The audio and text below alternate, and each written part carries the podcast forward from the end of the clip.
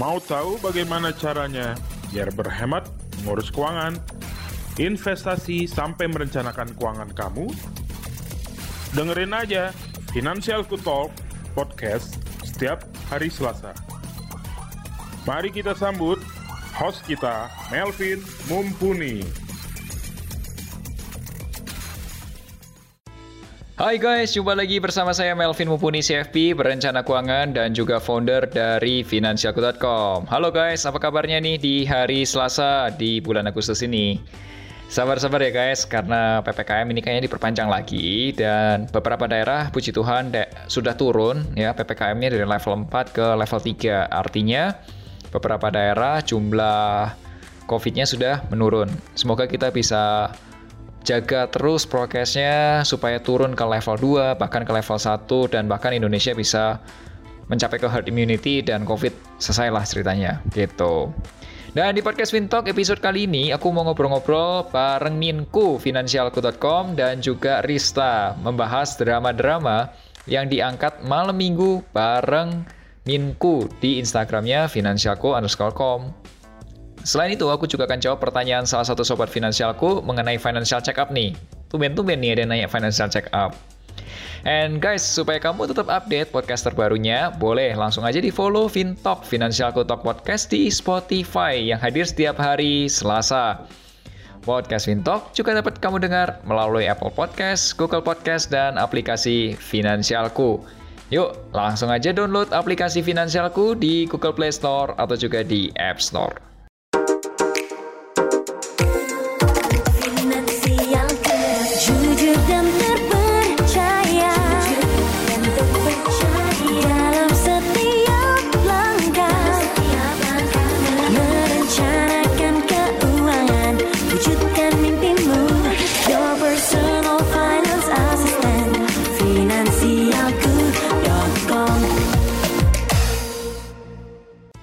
Sebelum bahas lebih detail, Sobat Finansialku juga dapat mengirimkan pertanyaan atau curhat keuangan melalui fitur konsultasi keuangan di aplikasi Finansialku. Dan jangan lupa kasih hashtag curhat keuangan. Salah satu pertanyaan yang masuk kali ini adalah, eh, Mas Melvin, saya ini sedang banyak masalah keuangan dan nggak tahu nih gimana cara beresinnya. Nah, waktu di Finansialku diminta melakukan financial check up. Sebenarnya financial check up itu apa dan apa tujuan financial check up? Terima kasih Mas Melvin. Oke, kita langsung aja jawab. Hashtagnya let me share my view. Hai kak, thank you ya udah dengerin podcastnya Finansialku dan juga sudah nanya. Jadi kayaknya uh, kakak yang satu ini, karena nggak mau disebutin namanya juga, it's okay, nggak apa-apa. Itu sudah pernah coba ngobrol sama timnya Finansialku. Ya, oke, okay. aku langsung aja deh, straight to the point mengenai financial check up atau FCU ya. Jadi, financial check-up itu adalah diagnosa kondisi keuangan kamu. Apakah keuangan kamu ini masih sehat atau ada yang masih sakit? Kalau sehat, ya puji Tuhan, good. Tapi kalau sakit, ya sakitnya di mana dan segera aja diperbaiki. Jadi, financial check-up di Finansialku itu bisa dilakukan di aplikasi Finansialku. Yang pertama, Nah ini biasanya sifatnya general, lebih umum. Harganya berapa? Kamu cukup download aplikasi Finansialku di Google Play Store atau di App Store dan untuk berlangganan aplikasi Finansialku cukup 35.000 per bulan atau 350.000 per tahun. Ya lebih murah sih kalau tahunan. Namun, kalau kakak ingin informasi yang lebih detail, lebih komprehensif, bisa ngobrol sama perencana keuangannya juga, minta dibantu sama Finplan-nya, itu ada yang namanya Premium Financial Check Up. Harganya 1 juta rupiah untuk diskusi maksimal 2 jam. Nah, setelah kamu melakukan financial check up, kamu akan tahu satu kondisi keuangan kamu ini sehat atau enggak. Dan gimana sih cara perbaikannya kalau memang nggak sehat. Kedua, itu rekomendasi budgeting. Supaya kamu benar-benar tahu berapa sih uang yang bisa kamu investasikan setiap bulannya. Biasanya orang itu bingung. Kayaknya aku bisa saving sekian deh, tapi kok uangnya nggak kumpul ya? Nah, itu bisa diberesin. Kalau udah berapa budget buat insurance, berapa budget maksimal buat kalau boleh ngambil cicilan, buat happy-happy. Ya tentu aja budget ini disesuaikan dengan pola keuangan kamu. Tidak ada rumusan persentase khusus gitu nggak ada. Tapi disesuaikan dengan kamunya sendiri, pola hidup kamu kayak apa, lifestyle kamu kayak apa, dan itu tantangannya. Nah, seandainya kamu punya tujuan keuangan, kamu bisa tahu nih, apakah tujuan keuangan kamu ini masih bisa terwujud atau tidak. Kalau misal pun bisa terwujud, kapan waktunya? Setahun lagi, dua tahun lagi, tiga tahun lagi, dan seterusnya. Terakhir, seandainya punya utang. Nah, kamu tahu nih kapan kapan sih kira-kira utang itu lunas? Dan gimana strateginya? Itu paling penting. Ya semoga penjelasanku bisa bantu kamu ya dan teman-teman sobat finansialku yang belum tahu financial check up, itu tadi penjelasan tentang financial check up. So, buat sobat finansialku, para pendengar podcast Fintalk, jika kalian mengalami kegalauan mengenai keuangan, investasi, asuransi, atau apa pun itu, boleh langsung aja curhat ke podcastnya Finansialku. Caranya gampang banget. Pertama kamu download dulu tuh aplikasi Finansialku di Google Play Store untuk pengguna Android atau di App Store untuk pengguna iOS. Kedua, kamu klik menu konsultasi keuangan dan kasih hashtag curhat keuangan. Kamu boleh juga follow akun Instagram at dan juga melvin underscore mumpuni supaya kamu dapat informasi keuangan yang lebih banyak lagi. Terlebih sekarang di Instagram itu ada menu Reels, kamu bisa tonton tuh Reelsnya kita ya. Dan guys, aku juga punya program khusus namanya Melek Finansial bersama Melvin Mumpuni di YouTube channelnya financialku.com. Videonya tayang setiap hari Rabu dan di episode besok aku akan jawab beberapa pertanyaan dari teman-teman. Oke, langsung aja kita bahas diskusi kita hari ini bersama Minku dan Rista.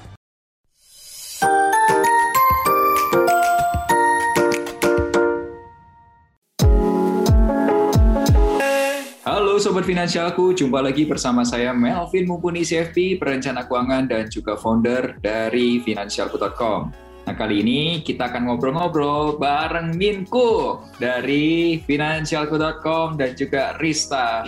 Halo Minku. Hai. Halo Rista. Halo.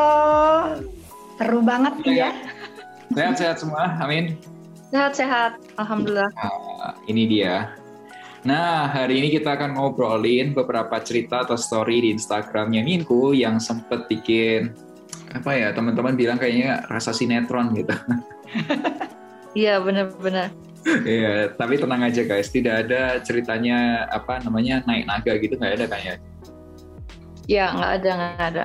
Uh, kita banyak banyak banget sih kasus yang masuk di uh, finansialku dari klien-klien yang aku diskusi bareng semua financial planner gitu. Salah satunya tuh ada kasus pertama yang aku bahas tuh Mas Bayu. Wah, itu ceritanya tentang seorang ayah yang tersesat katanya di Jakarta. Hmm, Gara-gara ya. Hmm? Ini kasus ya, ya. ya? Iya, bener banget. Nah, ceritanya gimana sih itu? Itu itu real case nggak sih? Iya, real case. Itu dari kliennya barista ya, Mbak ya. Tapi kita ya. nggak ya. bisa spill nama aslinya ya. Ya, anggap aja namanya. Anggap aja Mawar. Ya. udah udah ada Bayu. Ada Bayu sebutannya, case Mas Bayu. Ya, jadi buat teman-teman yang belum tahu sugar daddy. Sugar daddy, sugar daddy itu uh, katanya sih cowok yang punya simpenan gitulah, simpenan yang mungkin ada transaksinya, transaksional gitu. Oh gitu ya. Dari yang aku tahu ya, mungkin barista bisa tuh yang lebih expert. Oke, gimana Riz sebagai yang expert di dunia persugar dedian? Oke, persugar dedian ya gitu. Ngomongin tentang sugar daddy ini sudah pasti menarik nih gitu kan ya. Kalau tadi kata Minku, ini ori nggak sih ceritanya? Ini tuh benar banget gitu ya. Sebenarnya banyak sekali kejadian di luar sana yang sebenarnya nggak keungkap aja sih Vin gitu kan ya.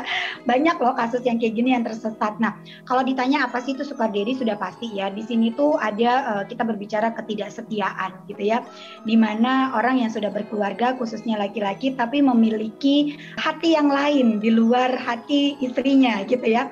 Tapi ini tuh banyak transaksinya adalah ya tadi ada yang berhubungan dengan seksnya juga nih Vin gitu kan ya. Gitu. Nah, ini lebih menarik sih ngebahas ini gitu. Cuman ya kita juga nggak boleh tutup mata untuk membahas ini gitu Vin ini tuh kalau yang zaman dulu tuh istilahnya kayak wanita idaman lain gitu gitu yes, ya. Betul. Berarti sama ya? Betul betul. Aku, kalau gimana Minggu? Ya aku kurang tahu sih kalau wanita idaman lain. Oh, oh. Anda wajib tahu. Ya. Kamu wajib tahu itu ada PIL, ada WIL. Coba ah, ya. Ada PIL, ada WIL ya. Ah iya iya iya. Ada eh, singkatannya. Eh, hmm. Ada. Eh, Riz, anyway, uh, katanya hmm. kamu punya data terkait dengan ini ya. Apa namanya sugar daddy? Ceritanya tentang apa itu? Oke, tadi ya yang namanya sugar daddy itu kan laki-laki yang ngabisin duit untuk ya kekasihnya gitu kan ya. Kekasih gelap gitu kan ya. Oke dia ngabis ngabisin duit yang penting kan itu tujuannya untuk dia buat happy gitu ya. Yang nggak tahu happynya untuk waktu panjang atau happy jangka waktu pendek kan kita nggak ada yang tahu gitu kan ya. Keputusan orang untuk jadi sugar daddy itu ya banyak alasan sih Vin. Tapi kalau ditanya keuangannya berantakan nggak Oke, okay. ada yang memang uangnya banyak dan tidak bermasalah, ada yang uangnya cuma sedikit, udah gitu memutuskan untuk jadi sugar daddy pula gitu, Vin. Nah ini ada dua orang loh. Hah, itu kalau uangnya nggak banyak, kalau dia jadi sugar daddy, ngedanainnya gimana dong? Nah itulah gitu kan ya untuk kasusnya Mas Bayu ini ya Minku ya gitu keuangannya sebenarnya ya. terbatas Vin.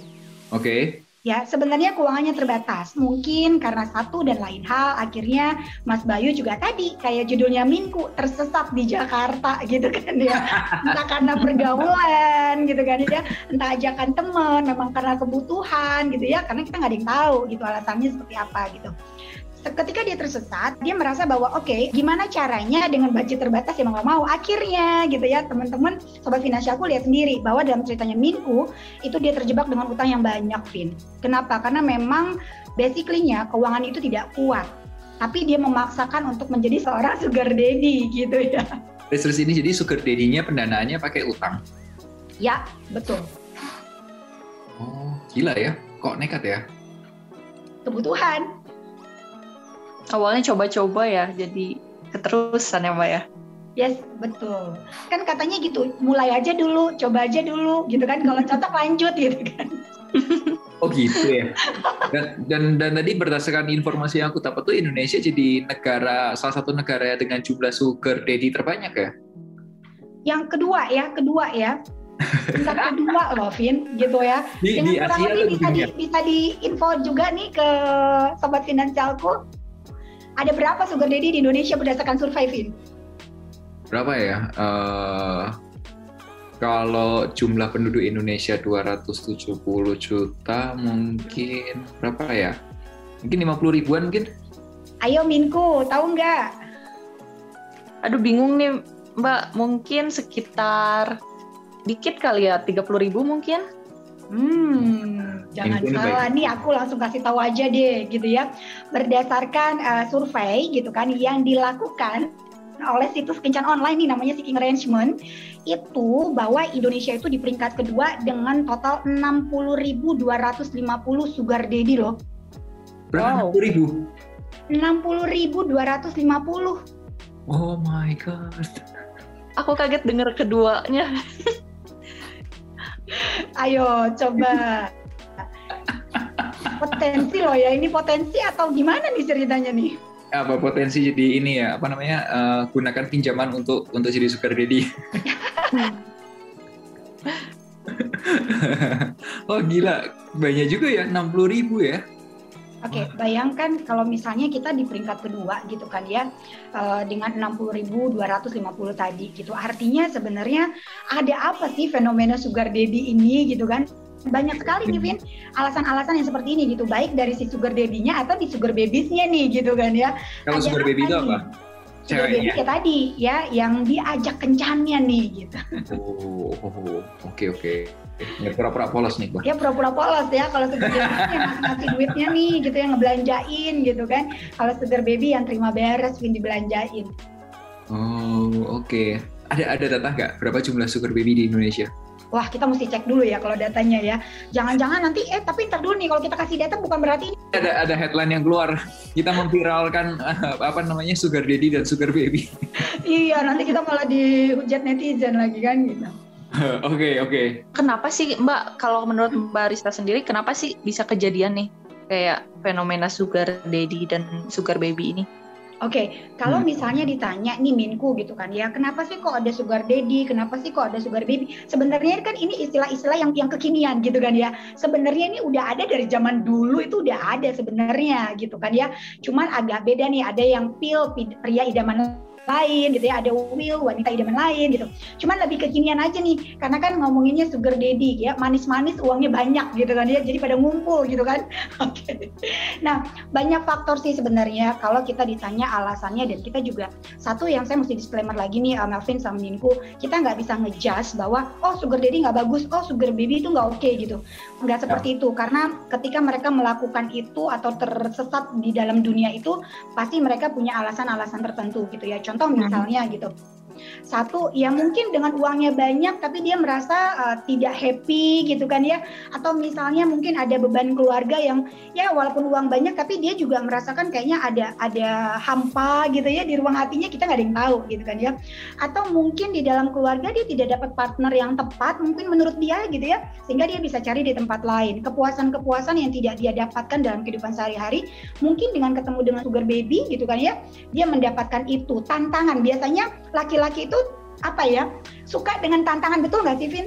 Ya, ya, ya. Cowok sukanya ditang kasih ya, tantangan. Ya, cowok tuh sukanya ditantang gitu. Makanya tadi bisa juga salah satu pengaruhnya adalah karena ditantang oleh temennya. Artinya pengaruh dari lingkungan jadi ah masa uang lu banyak gitu aja lu nggak mau sih gitu sekali sekali lah nikmatin hidup gitu ya nah tadi mulai coba akhirnya hobi keserusan deh gitu kan hmm. gitu. Nah kalau misalnya dari segi uh, sugar babynya gitu kan ya babysnya gitu ya ada juga yang lihat oh oke okay, mungkin dia capek dengan kehidupan keuangan yang kayaknya terlalu terbatas gitu ya kepengen uh, derajatnya lebih naik. Mungkin salah satunya cara dengan menjadi sugar baby ya kita nggak ada yang tahu gitu ya. Nah faktor ekonomi ini sebenarnya um, apa ya faktor terbesar sih kalau Rista ya dari segi perencana keuangan melihatnya seperti itu gitu. Masalah ekonomi ini memang menjadi tantangan terberat buat siapa pun gitu ya. Kemudian yang kedua bisa jadi lowongan pekerjaan gitu ya. Saat ini apalagi dengan ada COVID-19 ini makin terbatas kan Vin hmm. gitu ya. Ya nggak tahu harus bekerja apa lagi gitu ya. Sedangkan biaya kehidupan kan terus menerus yang harus, tetap harus kita bayar kan gitu. Jadi Minku sama Melvin kalau ditanya alasannya sudah pasti setiap orang yang melakukan itu punya alasan masing-masing. Gitu sih Ya, hmm. betul sih. Kita nggak ngejudge antara yang mana benar atau salah itu bukan urusan kita, tapi itu. Iya, benar banget. Betul. Karena banyak juga sih uh, teman-teman gitu ya yang ya ada sih gitu ya klien yang datang ke kita juga ternyata sudah baby gitu ya. Bahkan Minku ya kalau misalnya kita lagi ada di uh, Instagram kita yang DM DM Minku juga pernah cerita ya. Banyak banget nih kasusnya aku juga sugar, sugar baby gitu kan ya. Tapi ketika aku dikasih duit, aku buka usaha segala macam akhirnya jadi mandiri ya, ya Minku ya. Nah, iya bener banget, Mbak. gitu jadi tidak tidak selamanya sesuatu itu buruk gitu ya. ya. Kalau kita ditempatkan dengan yang tepat, maka dia juga akan jadi lebih baik, Vin. Ya, ya, aku setuju sih. Kita tidak untuk ngejudge mana benar atau salah, mana baik dan buruk itu kan urusan kita. Tapi yang paling penting, kalau kondisi keuangannya lagi kurang sehat, yang tugas kita adalah benerin supaya sehat. Udah itu aja stop di situ. Betul. Hmm. Min, Bu, ini selain kasus yang sugar daddy tadi, ada nggak sih ceritain case yang rame ternyata ketika kamu ceritain itu di malam minggu atau di Sabtu malam itu? Hmm, ada banyak banget sih sebenarnya. Uh, aku aku coba uh, sebut beberapa ya. Kayak misalkan uh, ada yang ceritanya soal menikah muda itu dia kayak nikah ya nikah aja tapi nggak tahu gitu habit habit calon suaminya kayak gimana uh, mertuanya tuh kayak gimana intinya belum belum saling terbuka lah sama pasangannya dan ketika menikah dia kaget gitu dan yang lain juga ada tentang apa yang mau nikah tapi kebebanin utang orang tua dan lain-lain gitu. Itu banyak banget sih cerita yang rame dari si Financial Story setiap Sabtu ini. Oke okay, oke. Okay. Anyway buat teman-teman sobat finansialku yang belum tahu nih ya. Jadi Minku ini rajin uh, sharing cerita-cerita dari case tadinya di finansialku, tapi udah minta izin juga yang bersangkutan ya untuk dibawain ceritanya. Hmm. Itu tuh setiap hari Sabtu malam. Jam 7 malam. Jam 7 malam. jam 7 itu sudah malam ya, belum so, bukan sore ya? Oh, bukan, bukan udah, udah malam okay. itu. Jam 7 malam. Oke, jam 7 malam di Instagramnya uh, Finansialku itu biasanya ada story dan setiap Sabtu Sabtu malam itu pasti akan ada story baru. Nah, ternyata banyak juga kasusnya ya. Riz, iya, banyak banget. Hmm. Kalau menurutmu ya, uh, story mana yang paling paling kena buat kamu, Riz? Sebenarnya semua story punya sisi edukasinya masing-masing, Vin. Hmm. Itu kenapa? Karena semua story yang dinaikin sama Minku setiap Sabtu jam 7 malam itu adalah real fakta kejadian masyarakat kita kebanyakan, Vin. Drama banget ya hidupnya ya? Yes, drama banget gitu ya. Entah karena kebanyakan nonton sinetron atau memang ya inilah kehidupan Melvin Mumpuni gitu kan. Iya, gitu iya ya. juga sih. Iya juga sih. Iya. Di setiap hari Sabtu itu banyak pelajaran yang bagus. Jadi nggak ada yang terlalu menonjol, enggak. Semuanya bagus banget. Kenapa? Karena mungkin ada saat ini sobat finansialku yang dengerin gitu ya ternyata lagi terjebak dengan kasusnya seperti Mas Bayu. Bisa juga di posisinya lagi seperti Ayu gitu kan ya atau bisa di uh, seperti di kasus-kasus yang lainnya gitu. Contoh ada yang sandwich generation yang kemarin Sofi ya, Mitsu ya, mungkin ya. ya. Oke, itu sandwich yeah. generation yang punya tujuan uh, kerja di luar negeri, mindsetnya pengen punya uang banyak, pulang ke Indonesia bangun bisnis, tapi ternyata malah orang tuanya menjadi beban buat dia gitu kan ya karena terjebak utang dan lain-lain dan itu faktanya banyak banget apa pun itu ceritanya ambil edukasinya dan jangan sampai kita terjebak dalam cerita-cerita itu sih sebenarnya prevention Hmm. Eh, risk biasanya kalau ada kayak gitu ya ada klien yang ceritanya rumit apa rumit luar biasa kayak gitu biasanya gimana sih yang lo lakuin gitu yang lo, lo bantu ke mereka tuh gimana sih caranya? Oke, okay. kalau ditanya ini kan kliennya banyak banget gitu ya, udah udah pasti masalah orang satu dengan orang lain tuh beda-beda gitu kan ya. Terus apa sih yang harus kita lakuin? Pertama kali udah pasti saya akan menjadi seorang dokter, saya akan menjadi seorang psikolog, saya akan dengerin apa sih masalahnya gitu ya. Nanti dari sana saya coba untuk menganalisa, saya lihat dari sisi keuangannya, saya lihat dari sisi faktor atau latar belakang kenapa masalah keuangannya bisa muncul gitu ya. Kemudian barulah nanti kita bahas bareng-bareng untuk mencari jalan keluarnya bareng-bareng. Jadi jalan keluarnya bukan hanya dari saya, tapi dari kliennya juga kita edukasi bahwa kalau dari kliennya juga nggak berubah gitu ya, agak sedikit repot tujuan keuangan ke depannya gitu. Jadi kalau saya sih uh, banyak kerjasama dengan klien kita maunya seperti apa sih Bu gitu kan solusi apa sih yang sebenarnya uh, Ibu harapkan dengan Ibu datang ke finansialku.com apa yang mau Ibu dapetin? Biasanya kita selalu tanya itu dulu sih Melvin. Yes, yes, yes. Dan teman-teman ya, sobat finansialku mungkin sedikit cerita nih ya. Eh, nggak uh, heran loh kita tuh kadang-kadang sebagai perencana keuangan kadang-kadang pas waktu ngobrol-ngobrol awal tuh uh, klien kita pasangan suami istri bisa ribut tuh di depan ribut. Ya tapi begitu. banget itu ya begitu planningnya udah beres satu-satu ternyata benang ruwetnya ada di apa dirapiin satu-satu. Ini loh jalan keluarnya ini loh solusinya untuk untuk case yang ini atau case yang itu. Terus yang puji Tuhannya yang buat kita happy itu kalau mereka akhirnya jadi kayak life partner gitu ya apa namanya uh, jalanin bareng-bareng gitu loh satu tim gitu loh nggak ribut lagi gitu itu yang paling yang paling happy sih kalau lihat apa namanya oh ternyata ini loh apa outputnya perencanaan keuangan itu tidak hanya masalah duit tapi masalah kayak eh si partnernya itu bisa yang tadinya tuduh-tuduhan kamu punya ini ya kamu punya itu ya. Eh eh ternyata punya ini pengeluaran ini. Ya kadang-kadang Minku kayaknya perlu diajak nonton tuh ya kadang-kadang kalau misalnya ada perseteruan di Zoom gitu. Boleh boleh. Ya, mungkin juga sih Vin Gak menutup kemungkinan juga banyak banget yang kasus-kasus ke kita yang anaknya ngebawa orang tuanya untuk financial check up kemudian ribut di depan kita. Ada kamu juga deh. Ya, gitu ya. Kamu tuh ngomongin keuangan, kamu tuh uh, anaknya aku gitu istilahnya kata orang tuanya gitu. Aku duluan yang udah susah payah nyari duit, bontang panting nyariin buat kamu sekolah gitu. Terus kamu ngajarin aku gitu. Aku tuh sebagai perencana keuangan cuma dengerin aja. Ya ya nggak salah juga orang tuanya ngomong ya, gitu bener. gitu ya. Tapi dari sisi anak nggak mau orang tuanya juga jadi susah hidupnya juga benar. kan. Tapi at the end, at the end ketika ketika masalah keuangannya udah dirapiin, semuanya jadi damai lagi kan, keluarganya jadi bagus lagi kan, hubungan relationnya tuh mereka enak kan. Yes, betul. Betul kata Melvi tadi. Akhirnya mereka jadi satu tim dan uh, tahu tugas masing-masing. Oh, kamu benerin yang ini ya, kamu pegang yang ini ya, gitu. Jadi udah berbagi tugas nih, gitu. Ya, itu yang mungkin ya kadang-kadang orang tidak bisa berkomunikasi di keluarga dengan enak gitu. Jadi ya, ya memang butuh bantuan orang lain untuk ya untuk bantu ini tuh untuk ya kita kita satu tim loh. Udah nggak nggak usah nggak usah saling apa tutup tutupin udah terbuka aja data-data keuangannya jujur aja nggak apa-apa. Kalau memang ada hobi-hobi yang mahal ya. Dibahas aja gitu. Dibahas aja nggak usah.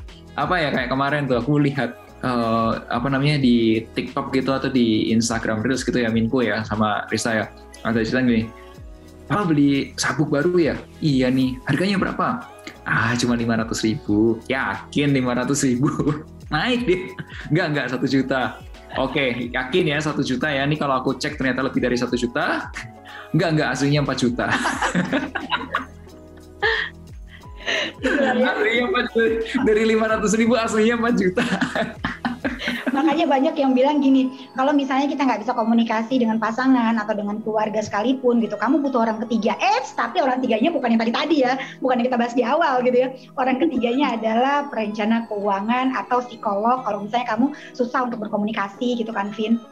I see, I see, bener bener bener. Eh emang emang gitu ya Risa cowok tuh kalau misal lagi usaha nikah emang gitu ya kayak eh punya barang baru nih harganya berapa? Itu biasanya di, dimurah-murahin gitu gitu ya yes itu kenyataan. Aslinya gitu. Gue kan mau merit kan gue nggak pernah merasakan tuh kayak gue murah-murahin gitu ke pasangan gue aslinya gitu. Kenapa? Karena tahu nanti nih kalau istrinya tahu harganya 4 juta 4 juta mahal banget. Coba beli susu anak coba beli yang lain-lain. Kan kenyang gitu kan. Atau atau bisa gini ya eh 4 juta. Berarti kalau kayak gitu aku punya jatah kosmetik 4 juta dong gitu Iya bisa sih. gitu juga sih. Bisa gitu juga membanding-bandingkan kan gitu. Oke, ternyata aslinya begitu ya. Kalau sudah berkeluarga ya. Seru juga.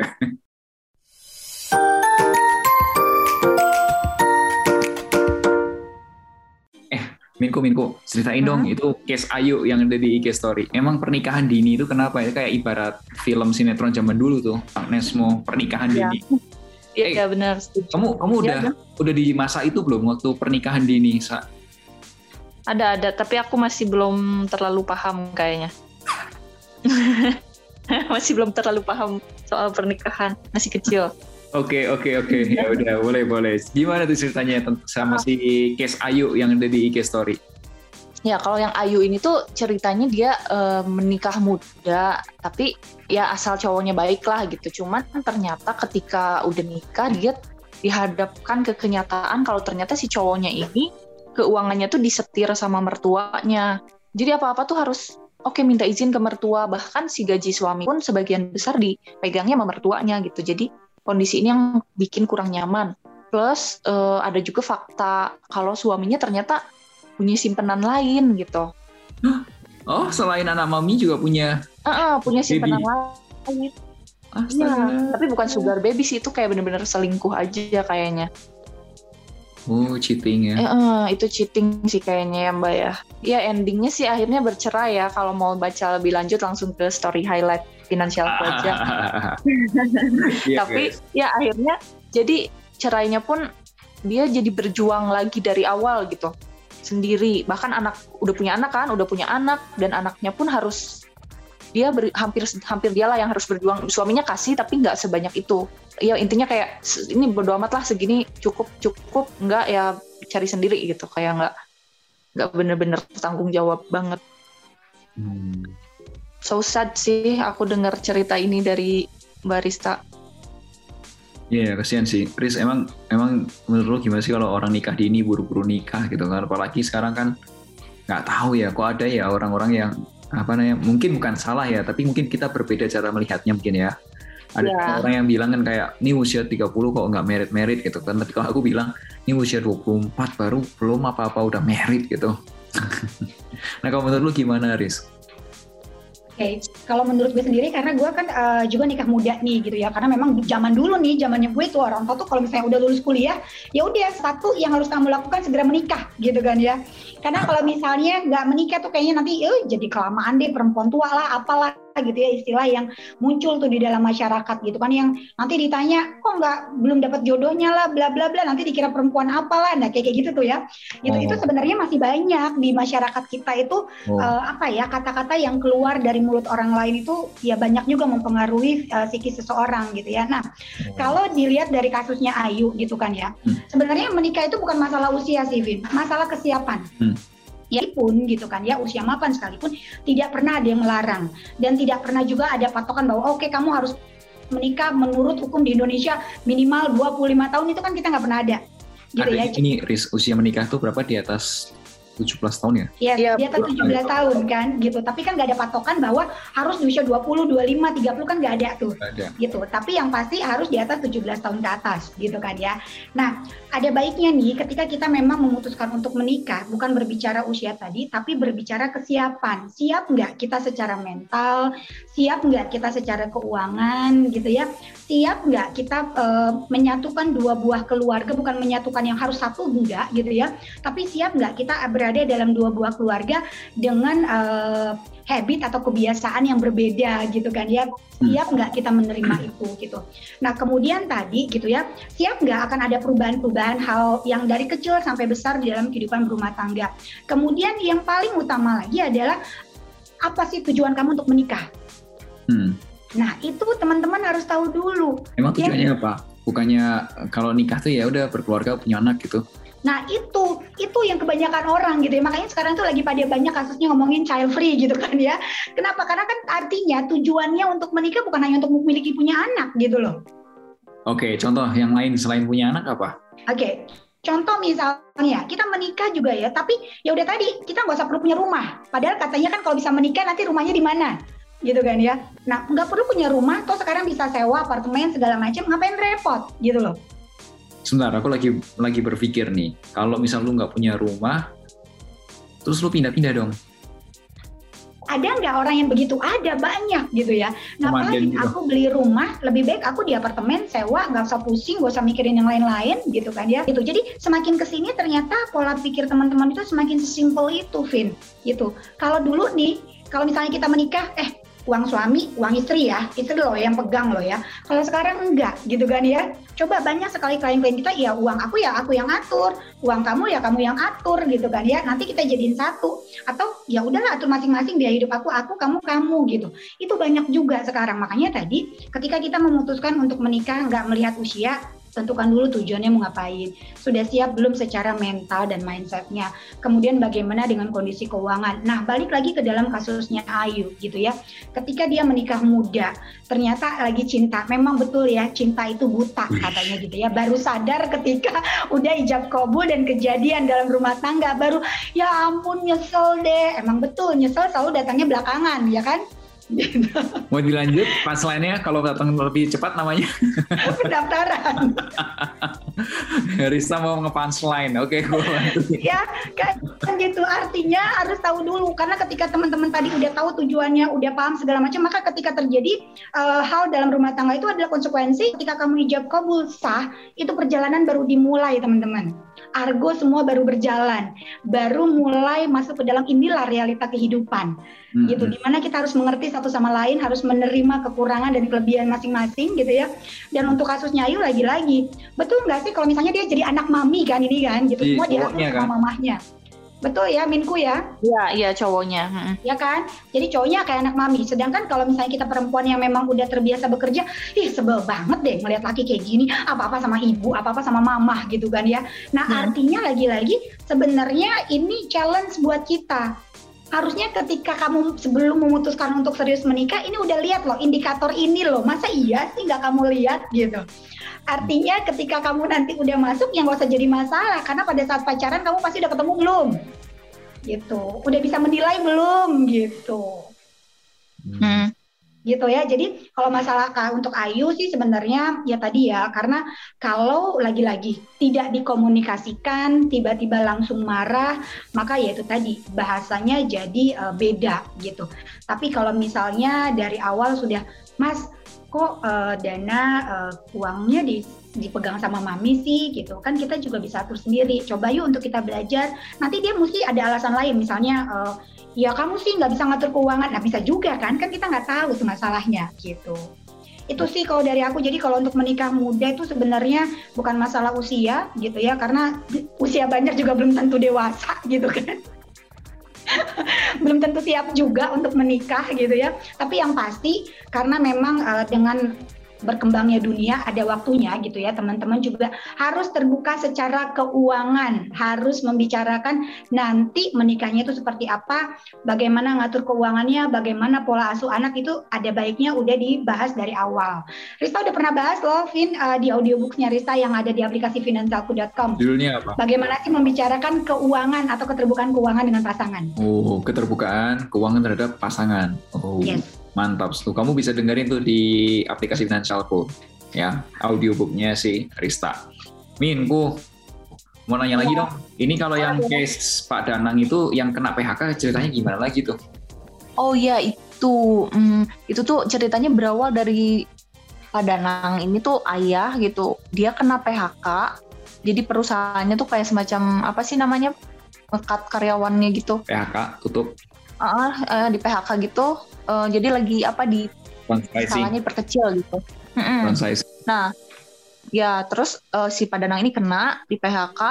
Nah, jadi dia sempat selama berapa bulan ya barista aku 4 bulan uh, dia off nggak ada income sama sekali tapi nggak bilang ke keluarganya terus tiba-tiba ibunya sakit gitu dan uh. ibunya nggak punya asuransi jadinya okay. nah dan di keluarganya pun si Padanang ini tuh apa ya tipe yang di jadi kalau ada apa-apa keluarga pasti Padanang gitu yang maju untuk biaya dan lain-lain. Intinya yang diandalkan yang paling diandalkan di keluarga.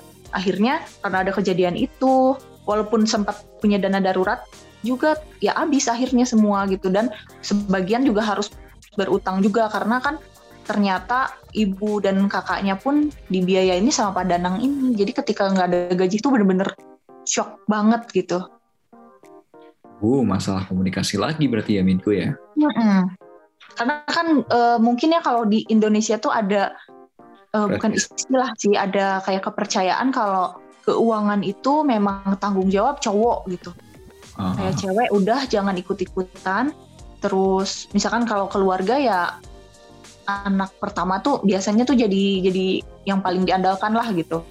Yeah. Yeah, dan, yeah. dan kalau misalnya say no, bilang enggak, uh, udah bisa bahaya tuh. Dicoret dari kakak. iya, bisa dicoret dari kakak. wow, case-nya menantang ya. Kalau hmm. ini case-nya siapa? Rista juga? Uh, siapa Mbak? Ada ada nggak? Aku aku dapatnya dari Mbak Rista sih. Cuman yes, kalau ini klien aku. Hmm. Wah, kasihan ya waktu itu gimana, Chris? Uh, Pak Pak Danang waktu itu. Lu mau ya. mana case-nya?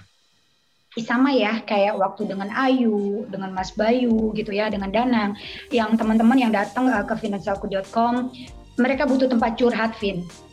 Oke. Okay karena nggak mungkin dia curhat dengan istrinya, nggak mungkin dia curhat dengan orang tuanya, apalagi curhat dengan kantor gitu ya bisa jadi aibnya kebongkar gitu kan ya, atau misalnya curhat dengan teman-teman sembarangan itu juga kan nggak tepat gitu ya. Akhirnya dia mereka ini butuh ke finansialku.com bukan hanya untuk bagaimana sih cara keuangan aku ini lebih tepat diaturnya atau aku keluar dari masalah-masalah keuangan, tapi mereka butuh tempat curhat yang tepat. Yes. gitu ya artinya bisa melihat masalah mereka ini uh, tanpa menjas gitu ya, tanpa menyudutkan, tapi benar-benar berdiri dan independen. Ya. Gitu ya, melihatnya sebagai orang luar. Ya teman-teman, kita kita di kode etik kita itu kita tidak untuk mengejudge orang itu benar atau salah tidak. Itu di, bukan bukan profesi kita untuk ngejudge itu bukan profesi kita. Kalau di profesi perencana keuangan itu justru cuman fokusnya adalah ya klien punya case apa, punya punya concern apa, ya diberesin aja, diperbaikin aja semaunya klien. Klien mau nyampe ke tujuan keuangan, atau mau lunasin utang, atau mau yang macam-macam. Dan itu tuh kita benar-benar jaga privasinya. Meskipun ini ada di keluar di IG Story, ini semua itu sudah minta persetujuan yang bersangkutan. Bener ya, saya sekali dan mungkin kamu nggak ngerti ini aslinya orangnya siapa nggak akan tahu karena bisa jadi aktornya yang kita rubah-rubah lah ya tapi case-nya belajarnya sama. Nah itu teman-teman ternyata dari case-case yang sudah ada itu ternyata uh, Rista dan Minko juga bisa menceritakan ya. Ternyata yang drama-drama kayak di film-film sinetron itu ternyata happen di dunia ini ada. Real ya dalam dunia ini ya. Iya iya iya iya. Jadi jadi buat teman-teman uh, siapa tahu siapa tahu kamu sekarang ini mungkin punya sesuatu unek-unek yang nggak bisa keluar dan daripada itu kelamaan jadi unek-unek di pikiran, jadi beban perasaan dan ujung-ujungnya malah jadi penyakit, mendingan dikeluarin sekalian ke orang yang benar-benar mau dengerin kamu. Ya nggak apa-apa, kamu ngomong aja dua jam, dua jam beres nggak sih biasa Riz?